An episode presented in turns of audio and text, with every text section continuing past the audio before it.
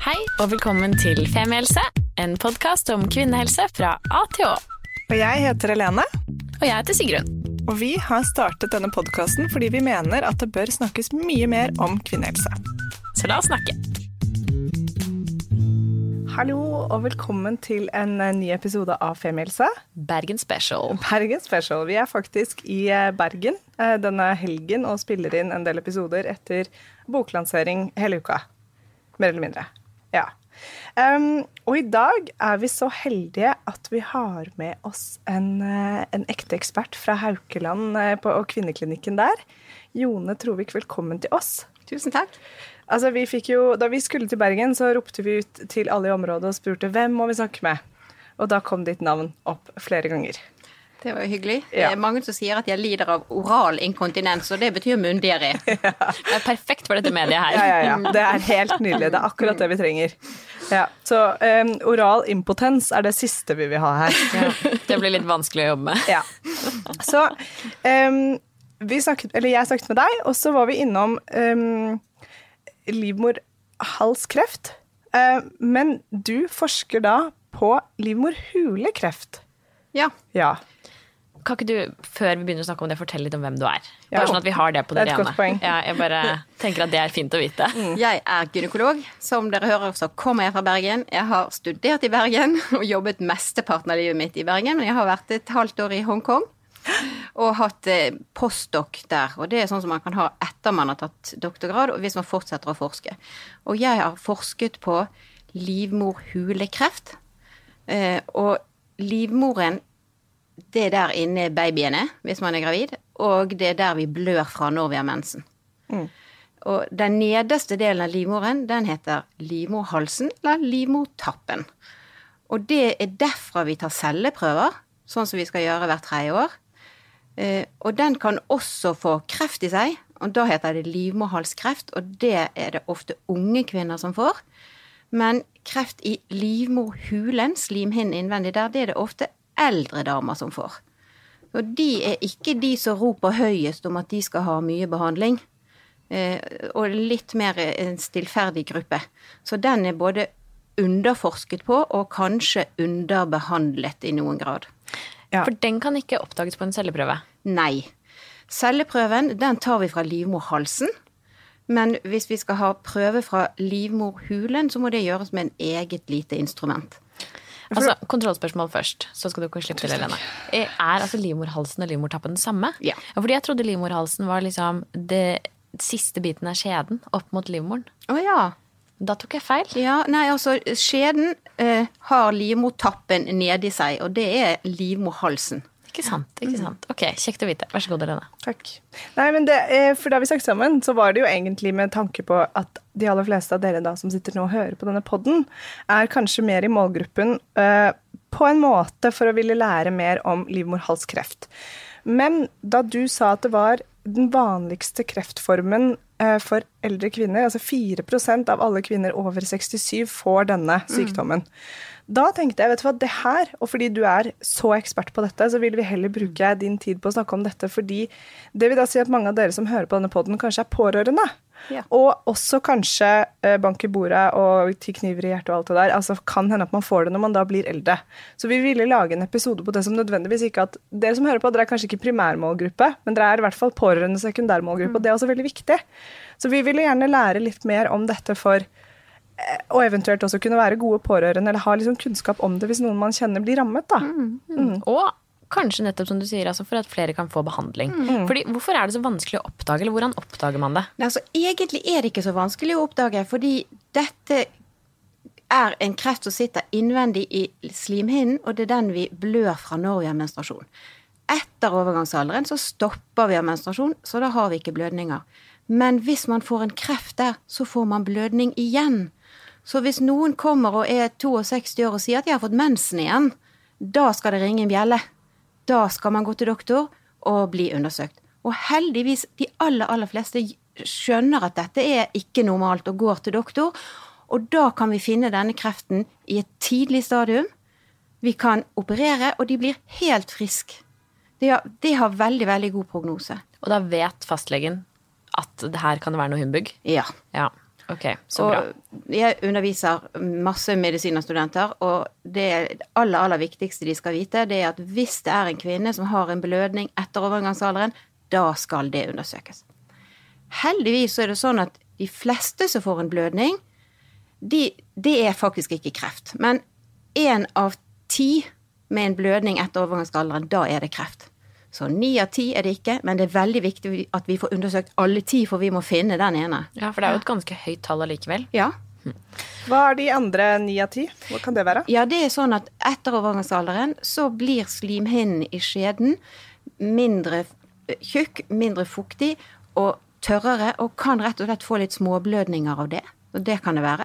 Veldig vanlig.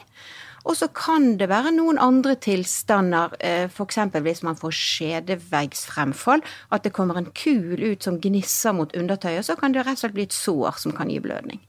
Ja. Dette er også sånn som gjelder i prinsippet eldre damer, og veldig sjelden unge kvinner. Ja, så, Men har livmorhulekreft en sammenheng med da det at man har kommet i overgang, eller er ferdig med overgangsalderen? Altså, eller er det, er det noe der som henger sammen? Er det da det større sannsynlighet fordi du er eldre, eller er det, hva, hva, hva gjør at flest eldre får det? Det er nok en større sannsynlighet for det at du er blitt eldre. Kreft generelt er vanligere jo eldre man blir. Hva er risikofaktorene for å få denne type kreft? Jo, det er eh, østrogen, altså det ene kvinnelige kjønnshormonet. Hvis man har det, enten man får det som medisin, eh, eller man lager for mye av det i kroppen selv, og ikke vil balansere det med det andre kvinnelige kjønnshormonet, da kan slimhinnen inne i livmoren begynne å vokse vilt. Og så er det ikke sånn at den bare vokser snilt, men av og til så forandrer den seg til å bli en kreftslimhinne. Og da blir den en svulst. Eh, Hvem har risiko for dette med å ha veldig høyt østrogen? Ja, hvis man får østrogentabletter og ikke får tillegg av det andre hormonet, og så lenge man har en livmor, så kan man ikke bare få rent østrogen. Man må få noe annet i tillegg. Progesteron, eller? Ja, Ja, progesteron. ja, Ja. som er det andre kvinnelige kjønnshormonet. Og det som eh, så lenge man er i fruktbar alder, så lager vi progesteron den siste halvdelen av menstruasjonssyklusen. Mens østrogen lager vi hele tiden. Hvis man har bare mye østrogenproduksjon, og det kan være med noen hormonforstyrrelser, eller det kan være hvis man er veldig overvektig, fordi fettvev kan produsere østrogen. Så overvekt er en risikofaktor. En annen risikofaktor er hvis man aldri har født barn. Og hvorfor det, da? Jo, da har man hatt menstruasjonssykluser mange, mange, mange ganger. Og da har man i løpet av de syklusene vært eksponert for mye østrogen. Mens hvis vi blir gravide, så har vi en periode hvor vi har mindre østrogen, spesielt hvis man ammer. Og man har fysisk, liksom, med fødsel, når morkaken blir, går ut etter, etter babyen, så får man en slags indre utskrapning på en naturlig måte. Og da kan det jo tenkes som at hvis det var noe som hadde liksom begynt å lage seg til sånne uregelmessige slimhinner der, så blir det støtt ut. Så man ser altså at kvinner som har født barn, de har en litt redusert risiko for å utvikle livmorhulekreft enn de som aldri har født barn. Det er veldig spennende. Har det noe da, eh, vet du, jeg vet, Er det forsket noe da på liksom, eh, bruk av prevensjonsmidler og sånn? Kan det For da kan du vel også dempe litt eller endre litt, eller vet du det? Ja, men de prevensjonsmidlene vi har, de er ikke rent østrogen. De er eh, enten rent gestagen, altså skal ikke være negativt for dette, eller de er en kombinasjon. Og da er det greit. Og det tilsvarende hvis man i overgangsalderen, så er det mange kvinner som trenger østrogenbehandling hvis de har veldig store plager med hetetokter og svettebyer og sånn. Og da er det viktig at de får den behandlingen som en kombinasjonsbehandling, så fremt de har en livmor. Noen kvinner har fjernet livmoren sin, da kan ikke de få kreft igjen, men da, eh, og da kan man gi rent østrogen. Ikke sant? Ja. Hvordan er Ok, så hvis man da um, har uh, kommet i, Er ferdig med overgangsalderen, du har ikke mensen mer, men du oppdager dette, du går til legen din, og så finner man da ut at du er en av de en av ti. Du har livmor livmorhulekreft, hva, er, hva er behandlingen videre da? Ja. Da vil den eh, doktoren enten ta en sånn liten prøve selv, hvis han er en veldig flink allmennpraktiker. Hvis ikke så sender han deg til en gynekolog som får tatt denne lille prøven, og så får du svar på det at her var det dessverre kreftforandringer. Da vil du bli henvist til en gynekologisk avdeling og få gjort en operasjon hvor man fjerner livmoren, og da vil man også samtidig fjerne eggstokkene. Det gjør ingenting, for de eggstokkene de har du ikke noe nytte av når du er kommet så langt etter overgangsalderen som dette oftest dreier seg om. Og for de aller, aller fleste, hvis dette er oppdaget fort, og det er det, så er man ferdig behandlet med en operasjon. Ja, så fint. Så man trenger ikke noe cellegift eller Nei, som oftest ikke. Og den operasjonen kan gjøres enten eh, som en åpen operasjon med et sånt langt snitt midt på magen, eller man kan også gjøre det som kikkhullsoperasjon med to, tre, fire små hull arr. Og eh, hvis man kan bli operert med kikkehull, da kommer man seg enda fortere ut fra sykehuset og hjem og har kortere rekonvalesens. Ok, jeg har en eh, Av og til så tar vi sånne myter vi har hørt inn i podkasten. Jeg har hørt altså, at eh, jeg leste en artikkel en gang at hvis man fjerner Men det var handlet om endometriose, da. Og da var det yngre kvinner. At hvis du fjerner livmoren, så blir det jo en litt sånn reorganisering av innvollene dine, og at det kan være litt altså, at det er litt ubehagelig, for du fjerner jo noe inni der som egentlig har tatt litt plass. Men livmoren og eggstokken er jo ikke enorme organer, så det er Går det greit? Ja, det går greit. Altså, livmoren er i utgangspunktet på størrelsen med en sånn liten gråpære, sånn pære som vi spiser. Den ligner egentlig på det. Så kan du tenke den tynne delen av pæren. Det er det vi kaller for livmorhalsen, eller livmortappen, sant? som står der i toppen av skjeden. Og om du tar ut den lille livmoren der, så betyr det bare at de tarmene som er inni der, vi har syv meter tynntarm som ligger i sånn bulker, de bare får litt mer plass til å være der. Eh, Og omvendt, når vi er gravide, så er det jo da denne livmoren som vokser oppover og utover og dytter unna liksom litt tarmen.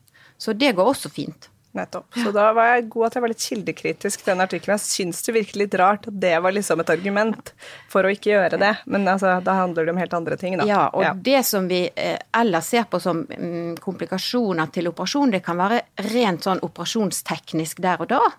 Eh, Eller etterpå så kan man nok få litt sammenlodninger. Sant? Igjen, vi har disse tarmene inni der, og de kan få litt sånn sammenklistringer fordi vi har vært operert. Risikoen for det er litt mindre hvis man gjør det som kikkhullsoperasjon, enn hvis vi gjør det som en stor åpen operasjon. Og hvorfor må noen ta kikkhull og noen åpne opp? Det kommer an på mm, erfaringen til de som opererer, og så kommer det an på um, hvor stor utbredelse man tror det er av sykdom. Sant? Hvis vi oppdager det tidlig, så er den svulsten bare inni livmoren.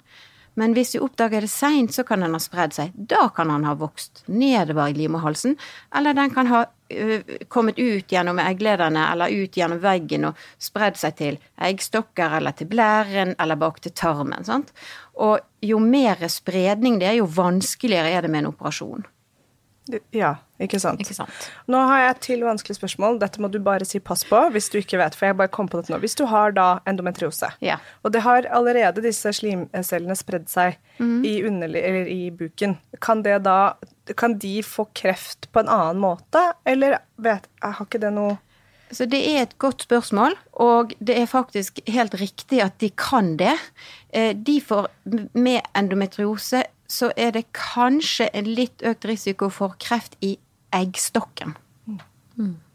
Endometriose kan vi finne inni bukhulen også på eggstokkene, og der kan de lage seg som eggstokksyster.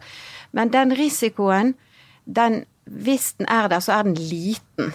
Sant? Men hvis du da ser på veldig, veldig veldig store tall, så kan du kanskje finne det at ja, vi ser på hele den gruppen med endometriosekvinner, og så ser vi på hele gruppen av alle de andre som ikke har endometriose, så kan man si at ja, det er kanskje en litt økt risiko for eggstokkreft i den endometriosegruppen, men det er på ingen måte sånn at de med endometriose skal gå rundt og være redd for å få eggstokkreft. Det er det ikke. Nei.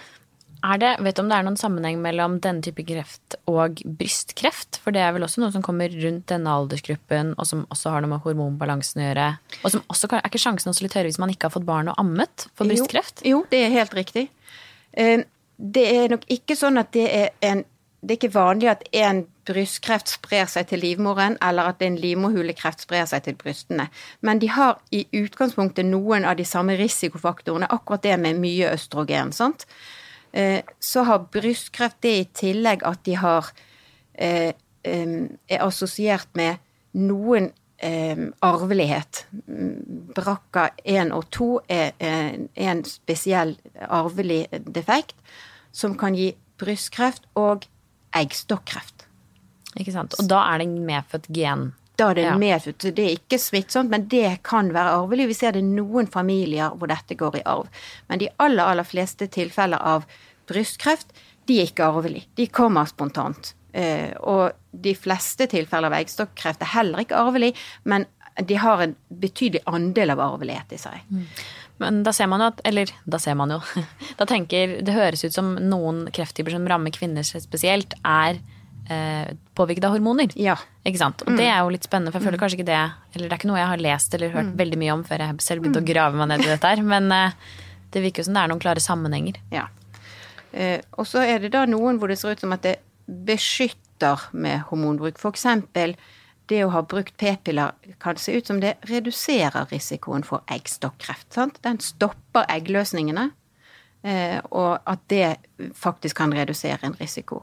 Og så har vi da det uheldige at i den andre enden, da, når vi prøver å få til veldig masse eggløsninger, som ved prøverørsbehandling, så har vi kanskje hos de en litt økt risiko for utvikling av eggstokkreft. Men igjen, det er små økninger. sånn. Så det er ikke sånn at de som har vært i prøverørsbehandling, nå skal gå og tenke at nei, nå får jeg helt sikkert eggstokkreft. For sånn er ikke det. Nei, Ikke gå i angst. Ikke få panikk. Nei. Det er viktig.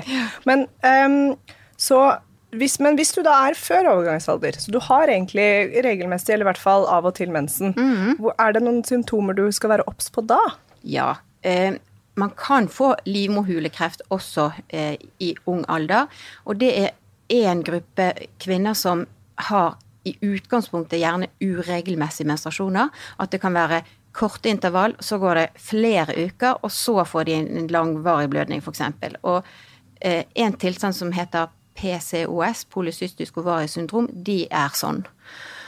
Og de har sånn at de, når de har så veldig lange intervaller, så har de da en veldig ensidig østrogenpåvirkning da. Uh, før de kanskje til slutt slumper til å ha en eggløsning og får dette andre hormonet laget av seg selv. Uh, så de som har veldig uregelmessige menstruasjoner, uh, hvis man i tillegg er overvektig, og det kan henge sammen med PCOS, de skal være litt på vakt. Så det er greit at de blir fulgt med. Ja, for Vi har laget episode eh, om PCOS, så hør på den hvis dette var liksom helt eh, en, ny, en ny forkortelse for deg. Ligger i biblioteket. Ligger i biblioteket vårt. Men, men hva, hva, skal de, hva kan de følge med på da? Altså, Er det noen symptomer ikke sant, på- som, du, som er lett å se, eller må du bare da kanskje snakke med gynekologen din og si skal vi liksom følge litt med? Ja, det er sånn at hvis du har veldig uregelmessige blødninger hos en som i utgangspunktet er kanskje overvektig, så ville jeg ha tenkt på at kan vi få regulert disse blødningene? Da vet vi at ting er på stell. Ikke sant? Sant? Men hvis det ikke hjelper med tradisjonelle måter å, å, å regulere blødninger på, da bør det nok igjen, også hos de, kanskje tas en sånn prøve fra livmorhulen, da. Mm. Yes. Så bra. Um, dette var veldig spennende. Dette er jo så rart. ikke sant? Dette er, dette er nesten, vi er, jeg føler at vi er sånn i kjernen av hvorfor vi startet Femihelse her. Fordi før jeg pratet med deg, så hadde jeg aldri hørt om livmorhulekreft. Ikke heller. Aldri hørt om. Og det er så mange som får det. Um, men det er jo uh, Hva skal jeg si? Uh, ikke den gledelige nyheten, men det jeg syns var veldig så, uh, fint å høre med dette, er at fordi de som får det, ofte liksom får et veldig sånn klart symptom i en blødning som de vanligvis ikke har, og at man da kanskje går og snakker med legen sin om det, og at behandlingen er så effektiv. Og at ikke det er så farlig å fjerne livmoren eh, etter, at, etter overgangsalderen, som jeg har tenkt at Fordi jeg har hørt om dette med restokking av organene. Det er jo egentlig ja, veldig godt at vi har et sånt system som kan plukke det opp hvis man er litt opp selv. Ja. Ja. Så det er det som er fint. Får man en blødning etter overgangsalderen, gå til doktor. Yes. Og der, vi har oppfordret før i, i episoden om overgangsalder som vi har laget, um, som også ligger i biblioteket, at vi har oppfordret alle lyttere skal jeg si, på vår alder til å gå og snakke med mødrene sine hvis de kan det, om hvordan og når de kom i overgangsalderen. Men nå oppfordrer vi til å gå og snakke med mødrene deres om en annen ting. Mamma, hvis du opplever en blødning nå, please ta deg en tur til legen. Flott. Ja. For det er, eh, da vet vi at det er én av ti som har det da, kan kanskje ha denne formen for kreft, og da trenger man den behandlingen og den operasjonen. Mm. Og så blir man faktisk frisk. De aller, aller fleste. Mm. Hvor lang eh, rekonvalesenstid er det etter å ha tatt og, og fjernet livmoren på den måten? Nei, det kommer an på eh, om du blir operert med kikkhullsoperasjon, så er det kort tid. Eh, og eh, med en åpen operasjon så, så, blir man sykemeldt i alle fall i fire uker. Kanskje seks uker. Eh, og så eh, skal man kunne komme tilbake igjen i vanlig aktivitet. Ja. Så hvis man ikke trenger noen ytterligere behandling, så burde det gå fint. Men uansett, når man går igjennom noe sånt, så trenger man litt ekstra TLC. Man trenger litt kjærlighet. Man trenger at eh, familien stiller litt ekstra opp, og venner og familie er litt på vakt. Mm -hmm. Selv om liksom, en kikkhullsoperasjon høres greit ut, så tenker jeg det er da man skal stille opp med nybakte boller og litt blomster og være litt uh, med. Det er jo ikke noe gøy å høre at man har kreft, Nei. uansett hva, altså, hvordan prognosen og behandlingen er. Så er det jo en heftig beskjed å få. Det er det. Og så er det jo en annen ting som vi nok ikke har tenkt så mye på før, og det er at det er en litt sånn gjennomgripende eh, ting som skjer, og at etterpå så er det en del som kommer tilbake igjen ikke helt 100 like eh, eh, frisk og rask, på en måte. Altså, de, de, har vært gjennom en alvorlig sykdom, og, og, og, og får litt en knekk av det. Ja, og så kan jeg jo tenke meg at selv om øh, altså, selv om man på en måte er over overgangsalderen, så er det jo noe med å fjerne livmoren som også er en psykisk ting. ikke sant? Du tar jo ut det som du kanskje har båret fram barn med, og det som kanskje føles kvinnelig. Jeg aner ja. ikke, jeg bare tenker høyt her. Nei, men det er riktig, det også. Vi, vi, tenker nok kanskje mer på det hvis det er sånn at vi må operere vekk livmoren før overgangsalderen, sant? hvor den fortsatt potensielt kan bli brukt til å få barn med. Eh, og da er det jo verst eh, for de som har et ikke oppfylt barneønske. Sant? Da er det veldig sårt, og at de må fjerne den livmoren. For det er virkelig endelig, endelig at det går ikke. sant? Men det er nok også sånn at etter overgangsalderen så er det ikke likegyldig. Altså livmoren, det er en helt typisk kvinnelig del av kroppen. sant? Og, og, og at vi fjerner den, så vil noen tenke at de føler seg litt mindre kvinnelig. Er det andre kreftformer eller eh, tilstander som du vet om, det, dette kommer helt bardus på, som, på dette spørsmålet, men som gjør at du må fjerne livmoren? Eller er dette den vanligste årsaken for kvinner etter overgangsalder? Ja, etter overgangsalderen så er den vanligste formen, altså grunnen til å fjerne limonatet, er kreft, eller at vi mistenker at det er kreft. Det er noen ganger du kan ha godartede svulster. Eh, den vanligste da i livmoren heter muskelknuter. Det vanligste er at det gir deg plager før overgangsalderen. Men hvis livmoren fortsetter å vokse etter overgangsalderen, så lurer vi på om det kan være den ondartede varianten, mm. som heter sarkom. Eh, så, og det kan ikke vi finne ut av før vi har tatt livmoren ut. Så eh, da er det noen ganger hvor det heldigvis er sånn at det var ikke kreft, det var en godartet svulst. Eh, og da er vi jo glad på deres vegne, for den ondartede varianten, altså sarkom, den, den er veldig eh, sint. Mm. Ja, så den må man få tatt før den får spredd seg. Ja. Mm. Så fint. Um, er det noe du vil legge til? Uh, har vi glemt noen viktige spørsmål? Nei, altså det eneste måtte være hvis vi ikke er så heldige at vi kommer helt tidlig til og kan nøye oss med operasjon, så eh, må man gi andre behandlinger. Eh, da kan det måtte gis tillegg av strålebehandling eller eh, tillegg av eh, cellegift. Det som vi har blitt flinkere til, det er med operasjonsmetodene våre nå å operere mer skånsomt og kanskje mindre grad måtte fjerne lymfeknuter innvendig i magen. For det kan gi plager med hevelser i beina. Og det er jo noe av det vi har forsket på i Bergen så kan vi redusere omfanget av operasjonene våre på en trygg måte. Så det er faktisk også noe som går fremover med dette. Ja, så fint. Så bra. Skal jeg prøve meg på en liten oppsummering? Prøv deg på en oppsummering. Okay. Så um, vi har uh, nå da snakket om livmorhulekreft, som i hvert fall var en kreftform som var uh, ny for meg. Um, og den rammer da ca. 4% av alle kvinner etter 67 år. Det er en kreft som setter seg i slimhinnene inne i livmoren. Eh, og den påvirkes av hormoner, den påvirkes av langvarig østrogenproduksjon, og det er derfor den ofte da kommer etter overgangsalderen når du ikke har den regelmessige syklusen. Eh, symptomet er at man da får blødninger når man da vanligvis da ikke har menstruasjon lenger. Bør da gå til fastlegen sin og få henvisning til gynekolog for å sjekke om det er kreft eller ikke. Og behandlingsformen da er rett og slett at man da eh, fjerner livmoren og eggstokkene, enten ved at man åpner opp, eller kikkhullsoperasjon. Og etter det så trenger man kjærlighet og forståelse. Og så Ja. går det bra. Så går det bra. Åh, Og så er det jo sånn, for det er jo veldig mange kvinner ikke sant, som får østrogentilskudd når de kommer i overgangsalderen. Og da er det jo også viktig å, at man er obs på dette med å veie det opp med progesteron. Men det passer vel legen på når Det man får det tilskuddet. Det er ja. det. Det er ikke noe man må ta ansvar for selv. Ja. Så bra. Var det riktig oppsummert? Mm, det var kjempefint. Så bra. Så siste liksom, oppfordring er snakk med mødrene deres om overgangsalder og alt Ja. som skjer før og etter. Det er en fin samtale å ha. Så bra. Tusen, tusen takk, Jone, for at du ville komme hit i dag. Takk for at jeg fikk komme. Dette var veldig spennende. Ja, veldig. Takk skal du ha. Takk for at dere hørte på. Vi snakkes. Vi snakkes. Ha Ha det. Tusen takk for at du hørte på podkasten vår. Selv om det forhåpentligvis kommer tydelig frem, så vil vi understreke at vi ikke er helsepersonell. Ja, så som vanlig, kontakt legen din om du har noen spørsmål, eller om du skal begynne på noen form for behandling. Og har du et tema som du har lyst til at vi skal snakke om, eller noe ris eller ros, så send oss gjerne en melding på Facebook eller på Instagram. Der finner du oss under Femihelse. Og du kan gjerne rate oss på iTunes, det er skikkelig hyggelig for oss. Ha en fin dag! Ha en kjempefin dag!